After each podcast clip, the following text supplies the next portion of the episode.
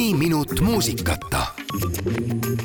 uuest nädalast algab Raadio Selmar mäng nimega Häälega Soome ja eesmärk on selles, et üks inimene, kes kunagi varem pole Soomes käinud, saabki Soome reisile minna. aga ma usun, et inimene, kellega kohe vestlema hakkame, on käinud Soomes ja käinud päris palju, sest ta on seal ilmselt reisinud, on seal töötanud, seal õpetanud ja õppinud. ja meil on telefonil Pille Pürg, tervist! tervist, hea Elmari raadio ja head uut aastat minu pooltki! Head uut aastat otse loomulikult ka siit. Pille, alustame sellest, millal oli sinu kõige esimene reis Soome? minu kõige esimene reis oli Vanalinna stuudioteatriga ja see oli kas üheksakümmend kolm või üheksakümmend neli, ma seda aastaarvu enam täpselt ei mäleta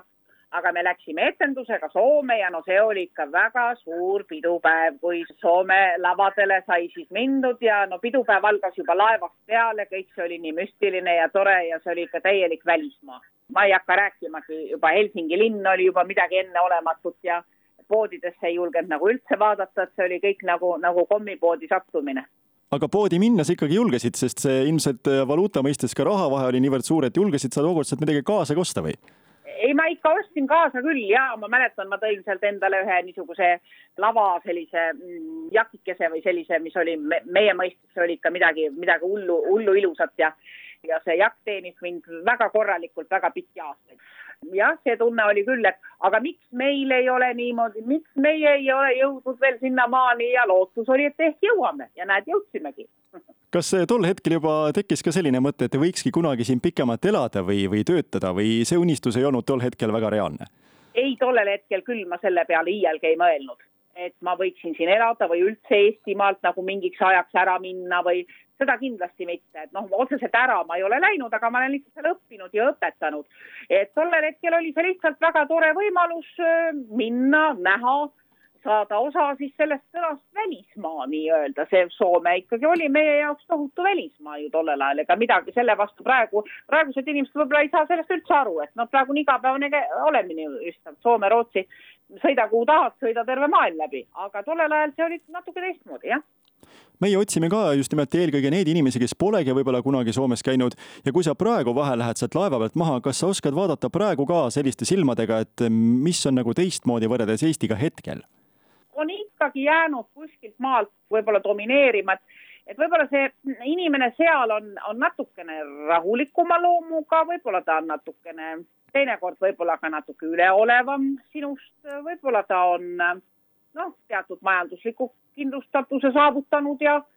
aga, aga ma siiski arvan, et mm, praegu meile seda vahet nüüd enam eriti, nii suurt vahet muidugi enam ei ole, et me elame ju kõik ühtses maailmas ja probleemid on samad ja no võib-olla kõige parema pilguga ei vaadata ju selle peale, et, et nüüd meie rahvas nii palju sinna tööle käib ja meie näeme ju samamoodi, mis tähendab, kui, kui tuleb võõrtööjõud meile tööle, me nüüd me näeme neid probleeme, et kui võtta õppimise ja õpetamise poole pealt, siis õpikeskkond, kui erinev see on? Mis puutub teatriõppesse, siis võiks ju arvata, et no see on igal pool üks ja seesama. aga kahjuks ei ole või õnneks ei ole, ma isegi ei tea. sest näiteks siin tehes tööd äh, ja töötades nendega, kes on lõpetanud siin lavakunstikateedri või Viljandi, siis meil natuke on erinev teatrikeel küll. Stanislavski järgi käib see nii-öelda seestpoolt väljapoole rolli loomine, aga ütleme, see Lääne teatrikool on väljastpoolt sissepoole, et need meetodid on natukene teised ja kui ma olin ise õppejõud juba, siis ka minu kursus oli niimoodi, et mul olid äh, Inglismaalt inimesi kursusel, mul oli Venemaalt inimesi. juba see erinevate kultuuride see niisugune ühtepidi kokkusaamine ja teinekord ka kokkupõrge, et see on kõik niisugune, mis ainult avardab inimese maailmapilti ja, ja maailma käsitlust, et, et kes võiks olla need soomlased, keda on Eestis alati iga kell võimalik parodeerida ja, ja rahvas tõesti rõkkab saalis? No Tarja Halonen jõudis ju meil juba paroodiatest, eks ole, Tujurikkujas ja, ja ma arvan, et võib-olla parodeerida siin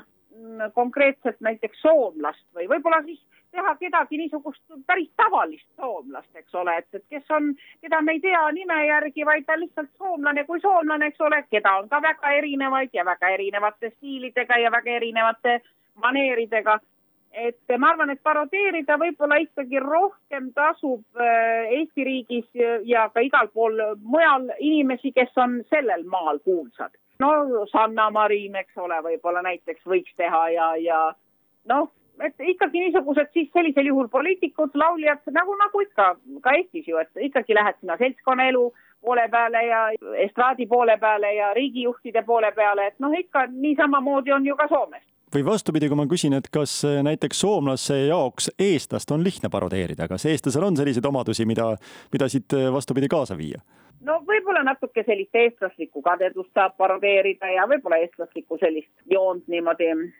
natuke ära panna ja ega soomlane armastab ka seda küllaltki. noh, et ega ta nüüd neid külaliste väga hästi alati ei suhtu ja, ja, ja noh, tore, et tulid, aga veel parem, kui ära lähed ja ja niisugused meie rahvusele omased jooned, aga, aga me oleme küllalt sarnased nende joonte poolest soomlastega, et. mis võiks olla eestlase jaoks kõige veidram soomekeelne sõna? mul on paar-kolm inimest, kes veel ei ole Soomes käinud ja siis mul peale õppimist natukene viskas neid soome sõnu sisse ja siis, kui ma rääkisin jah hallitusest, siis öeldi, et no kuule, hallitus, mis hallitus on sul köögis? ma ütlesin, et ei ole, hallitus on Toompeal kuidas kõlaks kõbus ja lõbus soome keeles? ma arvan, et ma ei tõlgikski seda üldse, see kõbus ja lõbus on nii tore eesti keeleski öelda, et ma soome keelde seda ei tõlgiks. ja kõbus ja lõbus ma ei ütle üldse niisama, vaid see on minu autobiograafiline etendus, millega me üle Eesti praegu nüüd ringi hakkame kohe sõitma üheksateistkümnendast jaanuarist koos Toomas Lungega ja meil on mängitud juba seitseteist korda ja ees on veel üle neljakümne etenduse, nii et tulge ja te ei kahetse. minule vastukaja on olnud ääretult positiivne kas sellesama tükiga on plaan ka Soome minna või oled sa juba käinud või kuidas need plaanid? ei, selle tükiga plaani Soome minna ei ole, sest et eh, noh, Vana Baskini teatri koha pealt ma praegu ütlen, et eh, on meel väga kurb. Eh, ja miks kurb? kurb sellepärast, et kultuuriministeerium teadupoolest jagas ju siis teatritele toetusi ja Vana Baskini teatrit õnnistati siis numbriga null.